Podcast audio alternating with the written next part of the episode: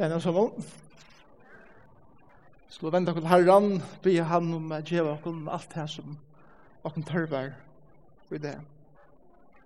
Takk herre for det. hvordan vi kunne ha fremmedgjøretten, ratten, er synsja, og bare nå høyre bøttene synsja her inne. Og takk for det at sannsjene som sunkner være er og til tess at få okkar sinne og okkar gjørstur vend nærre mot det her. Vi ber her om at jeg skal eikjenne alt det som gonger fyrir seg i sankumne, at det som vi gjør, det er det her for jeg eier at du skal være alvans god.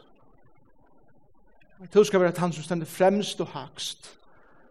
Og vi vet lika mykje hver som okkar er, oppgave okkar er og Jesus samkomne, at vi sørger okkar sjálf som tænare som har framgjør retten er tæna herre herrene og kongje kongene.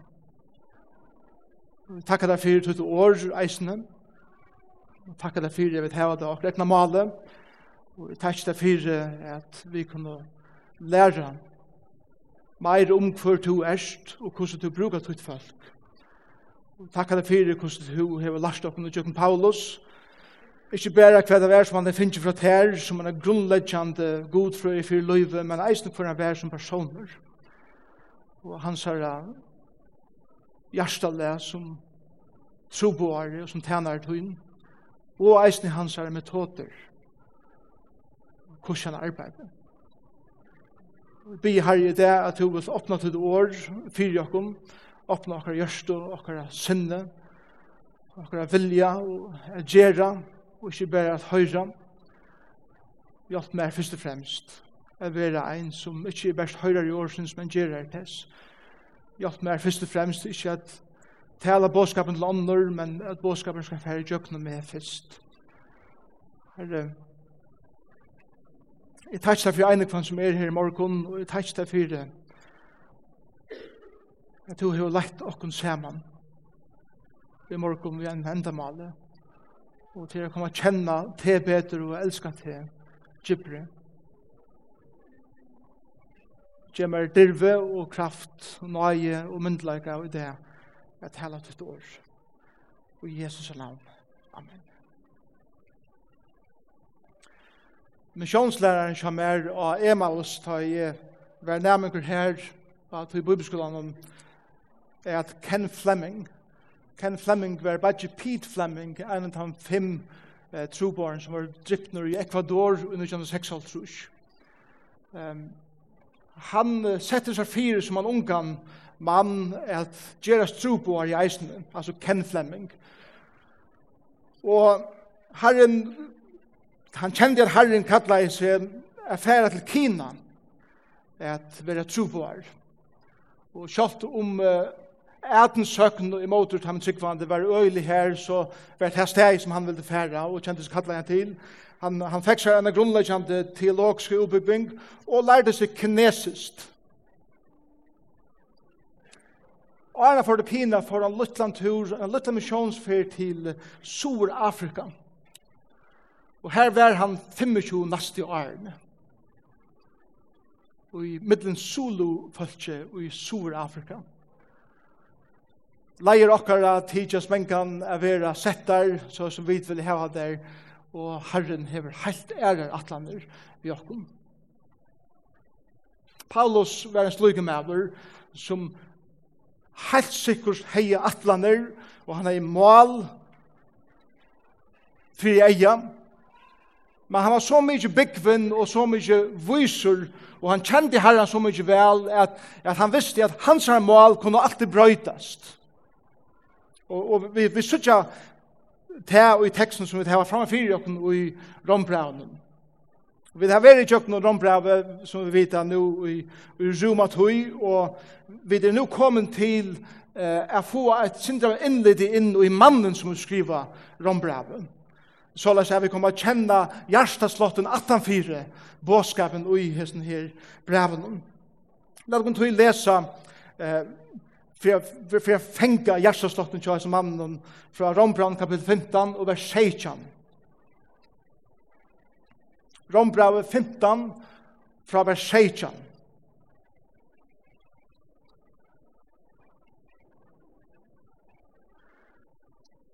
Tui hevi rås mot i Kristi Jesus og i tænasen mine fyrir gode.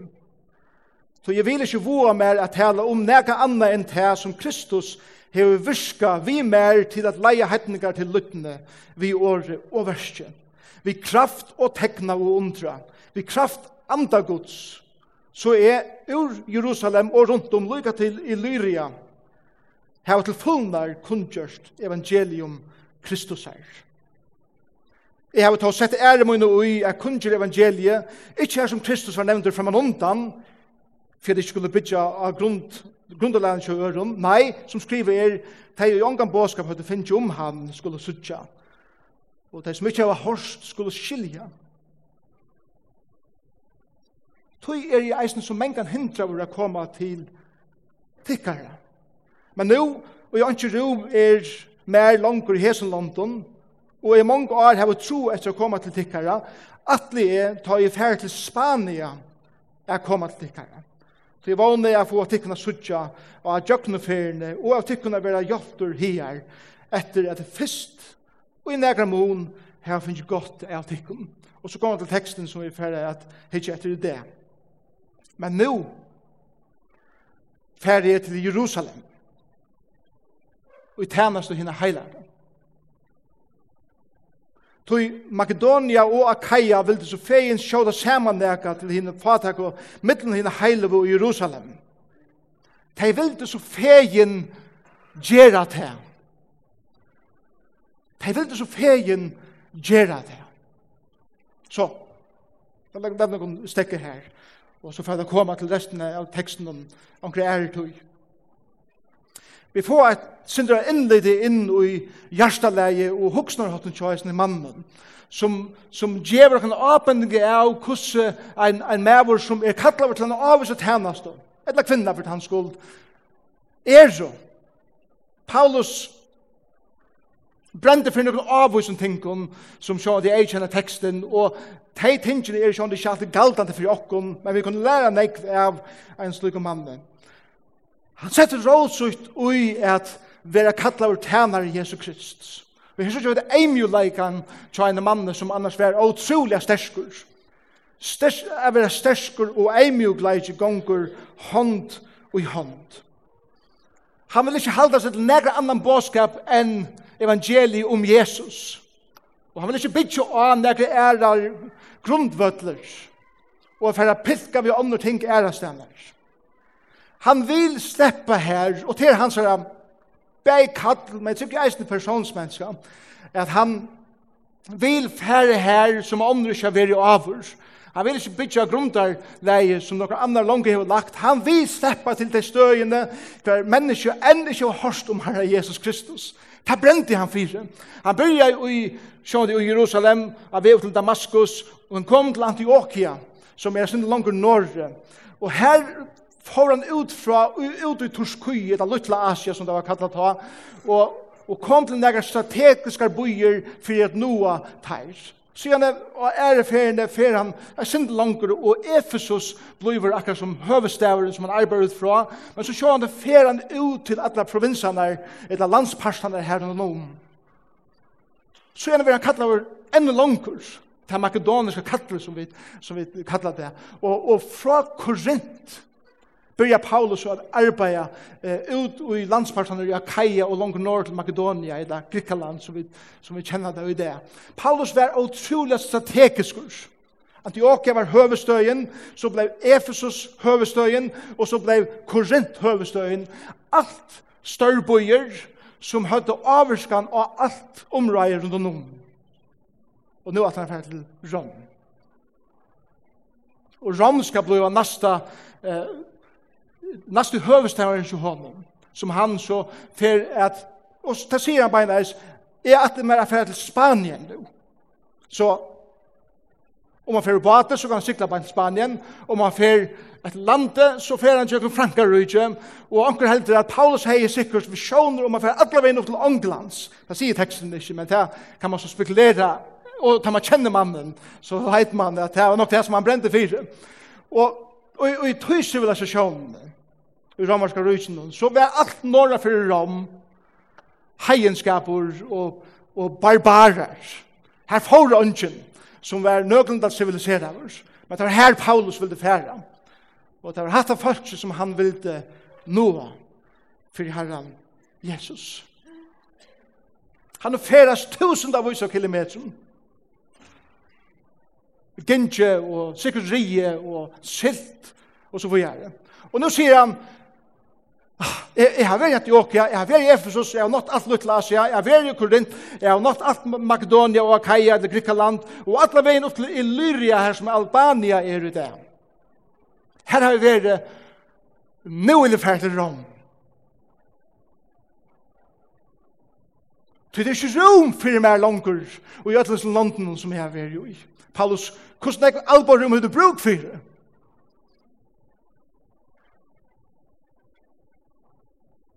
men jeg færger ikke. Jeg vil slippe til Rom, jeg vil færge til Spanien, men jeg færger ikke.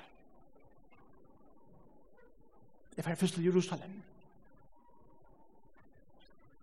1300 kilometer østretter. Og i stedet for 1500 kilometer vestretter. Hva er det som gjør det? Hva er det som gjør at en, en maver som hever en sorgkall av lyga hva sier, er må gjøre hetta fyrst. Og hva brukar snakka tøy er forklare hetta i rombraunen? Det må være tøy at det er viktig. Og hvis det er viktig for Paulus, så er det viktig for okken at få sindra innlite inn ui det. Og utan iva kan heile anden lære okken nekka om hva det betyr, det er å være en trobar, men eisne at være folk og en sankoma som lærer at hugsa meir om troboan og at lære at skilja hvordan troboarer hugsa. Til at troboan er ein av okkara endamalen, til ein av okkara solen. Og om vi skal tega okkara endamal av vörlja, så må vi bruka tøya tåsa om misjonen og å røkka mennesker for herren som vi har hørt. så. medelige underfullt og inneligt og kraftmykje i morgen fra Monika. Monika Tim som er av filmsøkene.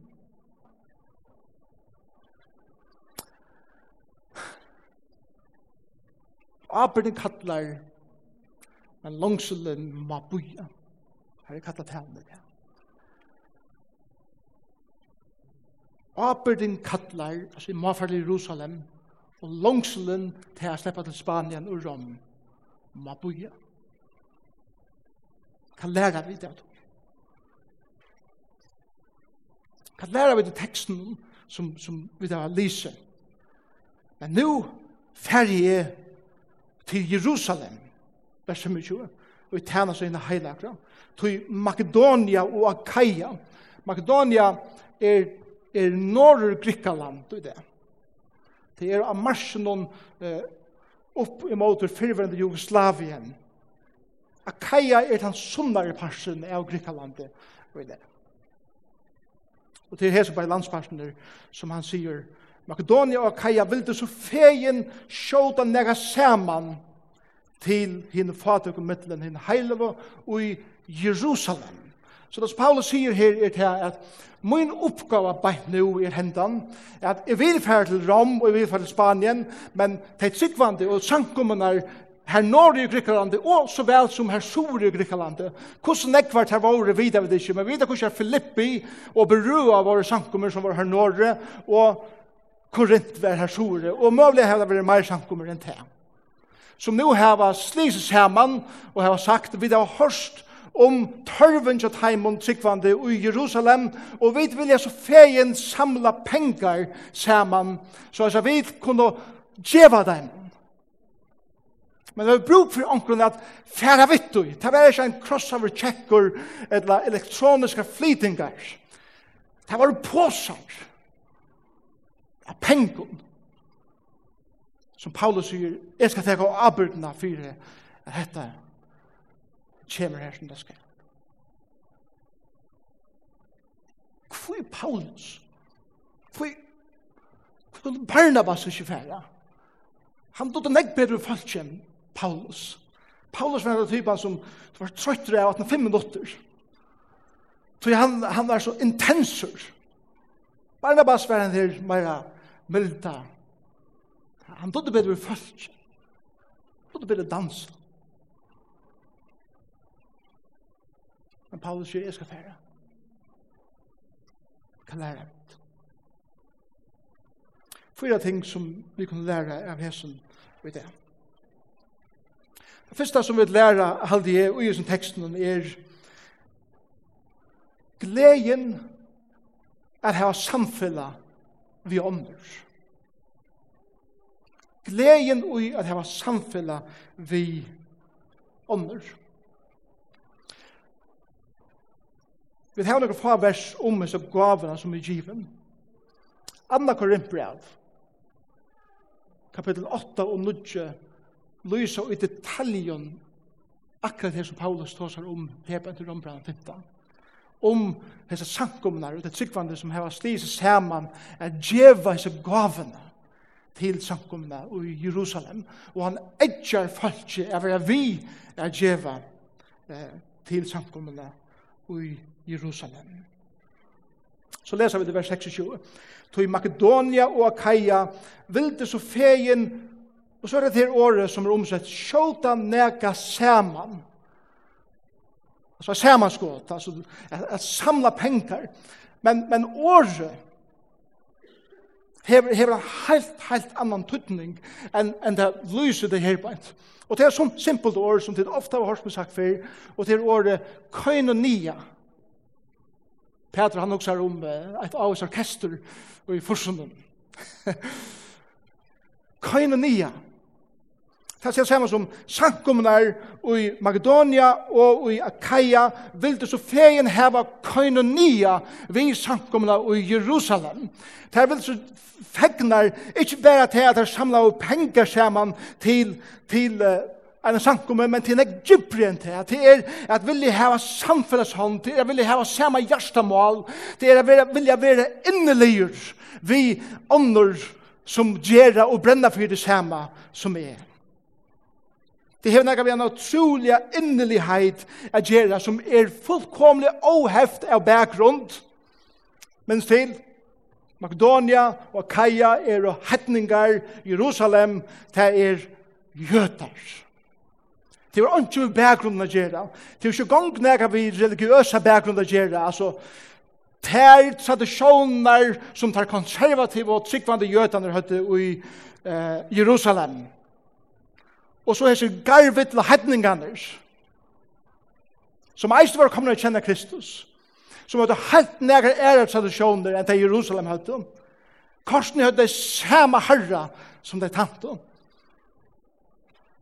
Og de vittel og søtte, det er noen for å stole, de er konservative.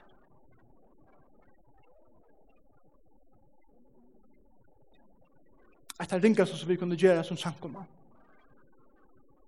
det er å se på basar, hvor er konservativer, og hvor ikke er konservativer, de er liberaler. Det er kjemint til stol. Da vi ble vaksen, byggven andalig folk, kom og pumhattar. Og vi er brøver, og vi er systrar, og vi herran, og vi gåtaka. Jeg vil ikke er akkurat loika. Men vi vilje hava koinonia, vi vilje hava djupt samfella. Vi, andre som ikke er loika som vi, særlig, tar vi høyre om at heimann tørva hjelp. Vi vet ikke hva det gale i Jerusalem. Vi vet fra Apostelsen kapitel 11 at Agabus han, han profeterer i at en hungersnei skal komme, og at en hungersnei kom i Jerusalem. Men han flere år åren om at det er stadvekk effekten er av tog videre det ikke, eller om at det bør være så leis at beint hese togene i Jerusalem har det vært en fortsalig lagt i samkommende, og det har ikke haft, det har ikke haft nok. Og vi vil ha hjelpe vi vil senda Paulus. Det er den, det er den gleden som vi sitter i at hava relasjoner vi ånder. Kjøtt de som er lengt bostur. Og eisne heter dette slag relasjonen som man kan hava folk utan å sutja deg, men ein fer fra okkar samkommet og representerer okkar som er samkommet, og kan komme heima og fortelle okkar om hvordan underfullt det er, og hvordan glede det var om samfunnets hånd. Så jeg lykker vi meg opp på Anna Korinthra kapittel 9. Bare for å vise det kom. Hette hette hin kapitelen som tåsar om det samme. Anna kapittel, nei, Anna Korinthra kapittel 9 vers 13 sier så leis. Nu forteller Paulus Tog vi til rønda hjertaleie, hentan hjelp, altså dette samme skulle viser, kom at jeg prysa gode for løtnetikkar og jottanene av evangeliet Kristus her og fire at tid er så god hjärsta, visa teimen og ødlun, og så er det året, fellesskap, og til atter året, koinonia. Gleden og at hava koinonia, eller djupt samfunn av i ånder, er et som vi sitter i som teksten her på et.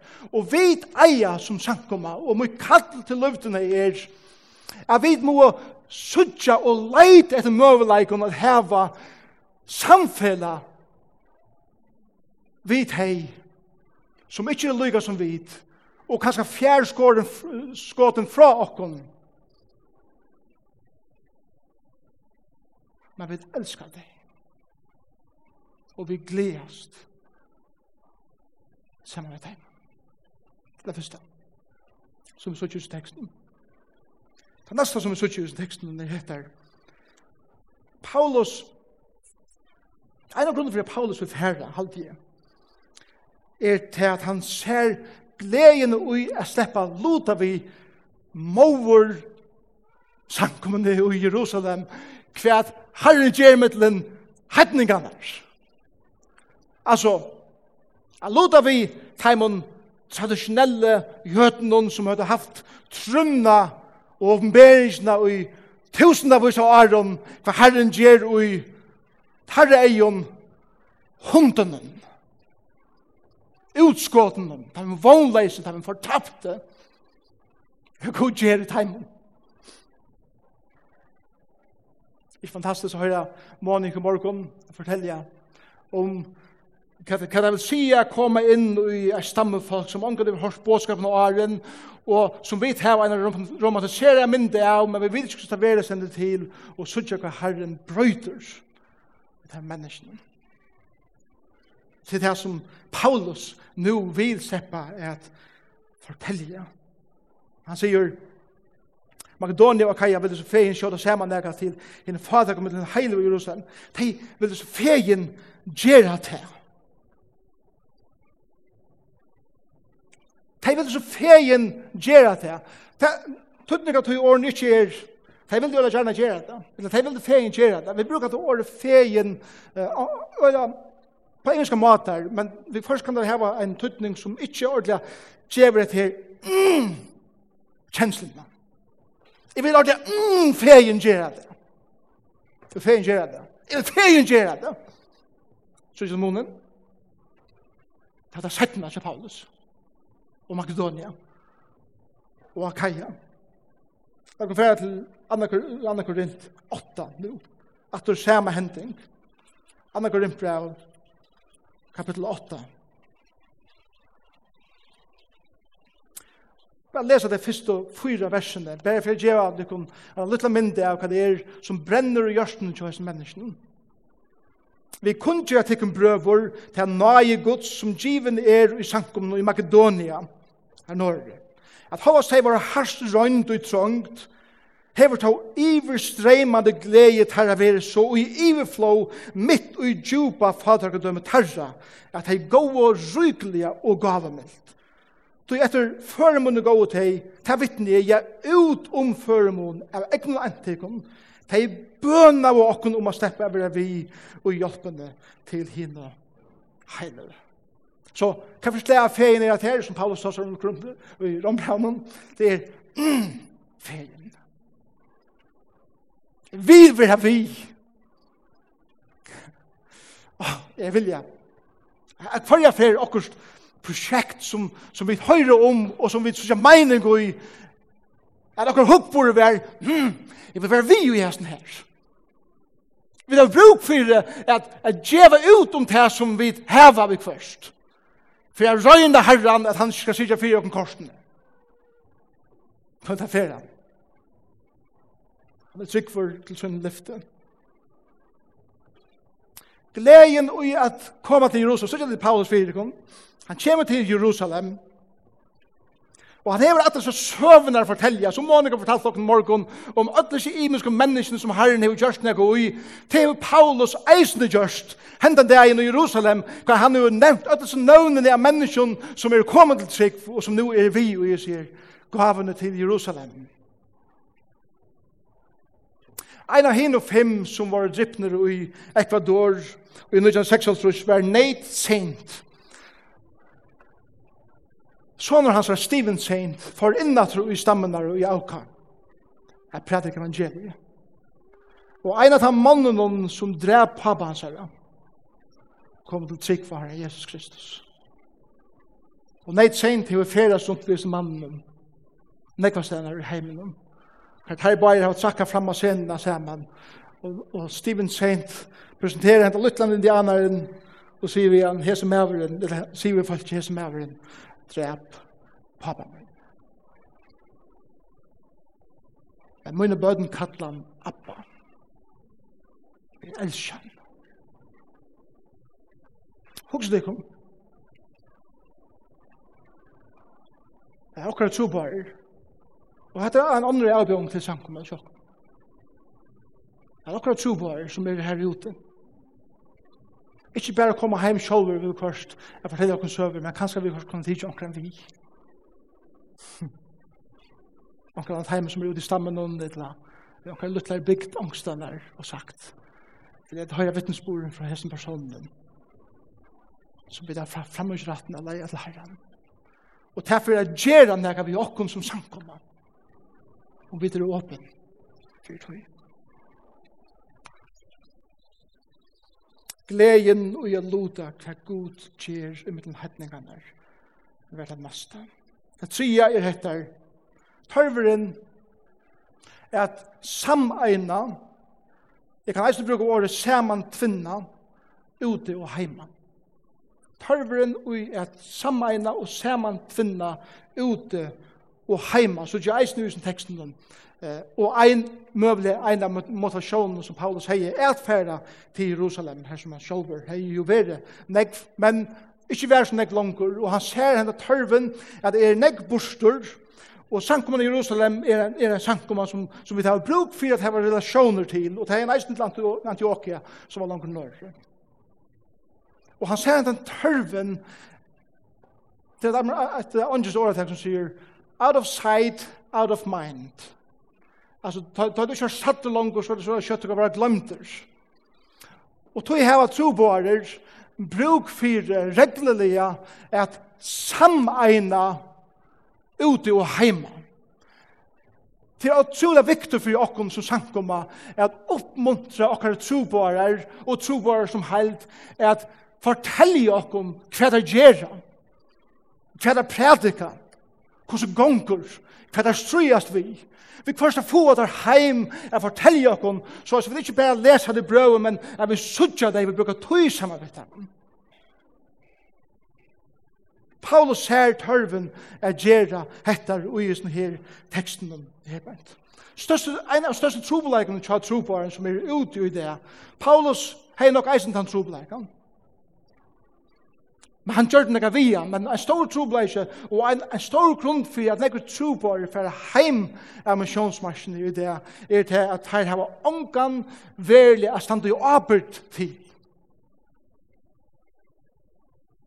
Og da det er og tro på leikar som de strujas vi, så har det ongan at luta det vi, og det har ikke bergland a hjelpa dem hvis det kommer til fortjalligar, avbjøyngar, etla personligar trobeleikar, etla og det er møyla nummer 1.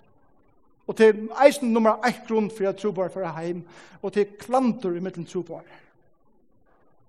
Klantur i mittlen trobar familier. Trobar er et særlig folkastle, ikke alt. Paulus var kveldfalt særlig. Han var sånn fronter trobar. Ønsker jeg fyrir vinn nesten. Så kommer så med typen her, av samme sted. Og til jeg ser individualistene på øyne måter som er øyne sjålstendir, som ofta ikke halda til heva nekka særlig bruk for dem som er heima, ja, nå er jeg her på en. Men trobeleisen er han, at granna trobeleisen kommer, er akkurat lykka. Og det er øyne krasj i middelen teg ofta, og ofta er stammefolk, eller under en bøye, de vant tryggvande, de som enda ikke kommer kjenne herren sier han, her er ikke nok tro på dere langt. Skal jeg fremvede min nøye at her er træt i min liv? Og tog er det at stand i åpert og medelig områdende. Og til det er Paulus sier, hvordan kan nære prædike om det ikke nære som sender? Og, og en av munnen dreimen for luftene. Er, er, er at okkara unika vi hese sankum skal være til at vi blir en sendande sankum.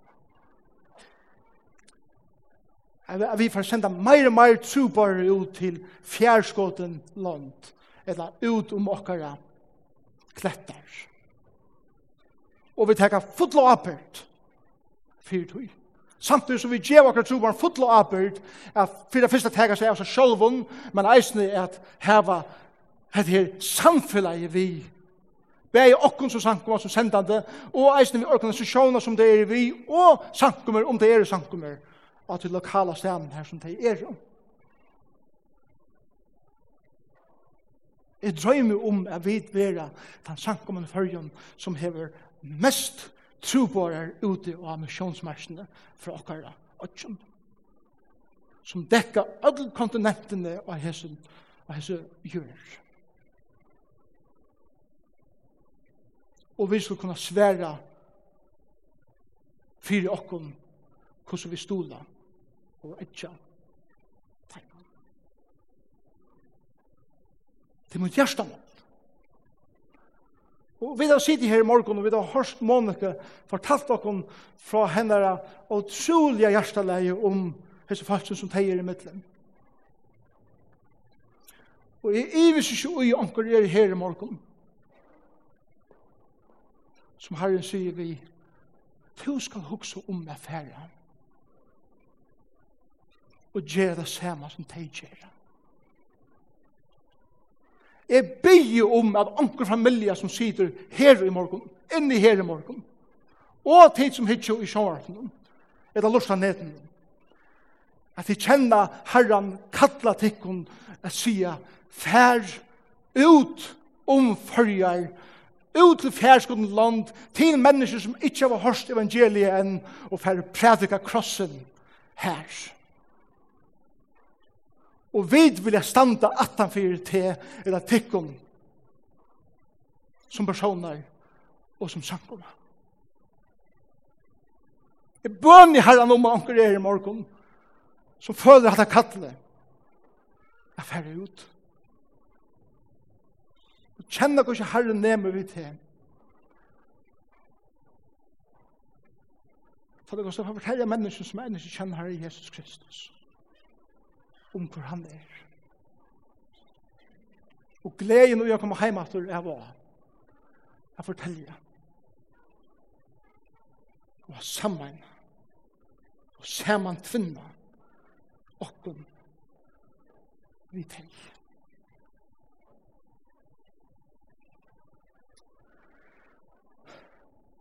Det fjorda, det sørste, som er sørste teksten om. Det er Paulus, og det er eisen grunn av Anna Korinthbra 8-9. Tørven er teg okken av den fatøk. Tørven er teg okken av fatøk. Da jeg boe, da jeg unnbo i Dallas, da var en av tænasen som jeg heier ut fra skolen, er at arbeid i middelen eh, bandar og heimleis, skøtjer og tæsleia mennesken i Sordalmas. Og det var en maver som ledde til at henne som bo i herbeint, og vi måtte komme inn i det området, vi blod som som stod Dallas Theological Seminary og alt det, hvis vi ikke hadde det til, så hadde vi ikke kommet livet ut av det, så mye kriminellt var det. Men hans maveren som ledde til henne, han sier tid til lokar, Kom her beint og halda til til koma og fortelja dere hvordan ting skulle gjøres. Det er et som manglar er god fra i tekstboken. Og det er, i minst han sier året, porology. Porology. Altså, læran om de fatøkken. Og skriften tar allan vegin i, i, i, i av Eller om hettar at vi er tega og nevnt han fatuk. Profetene tala av motor til han ryko som utnytta av til fatuk og uttaja tog. Og han minner sankummer av som har meir enn er at stole, tjeve offre til herra som ikkje heva til deg inn i det. Paulus tåsar om et her i 2, 2, hver han tåsar om at Petrus skal fære til, til jødanar, og Paulus sier, er kallar til hedningarnar, men så legger han til at, men det som de mynt dere nå, det er bare at tega dere er og ta med fatøkla, og i neitar. Og det er jeg vidar gjerra, som sanktum av, vidar jeg stola til. Trutja milliarder mennesker og i sin heime liva lengt under det her som vi bruker til en såda vatten for det. Og vi taler vi det her ikke nå.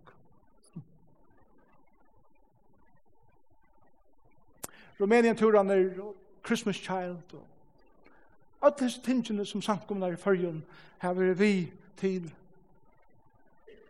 er bygd av skriften her. Og vi hjelpa og vi stola til fatøk. Det var fatøk i Jerusalem. Det var nesten fatøk etter teksten i Grimpgravi og i Makedonia og Kaja, men det hadde meira til Jerusalem og det Vilto. Her var det samfunnet vittig. Og tog fer Paulus fest til Jerusalem. 1300 kilometer estret. Arna fer 2500 kilometer fra Jerusalem til Spanien estret. Atter. Sier i vers 28, lest av vi mer, og i Rambran 15, Ta og jeg fullforsetter, og har lagt hendan avvokse hendene til det at det er færre hene til Spania og bera vi tja Jeg er veldig visjonere med spurningen er og vi har kommet til det det er Paulus som Ken Fleming som skulle færre Kina men enda i sur Afrika.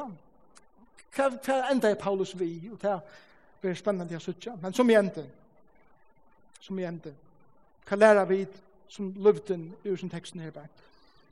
Det første jeg vil si av samkomne dette er, elskje einleika samkomne her. Elskje einleika samkomne her. Vi er eit folk gods.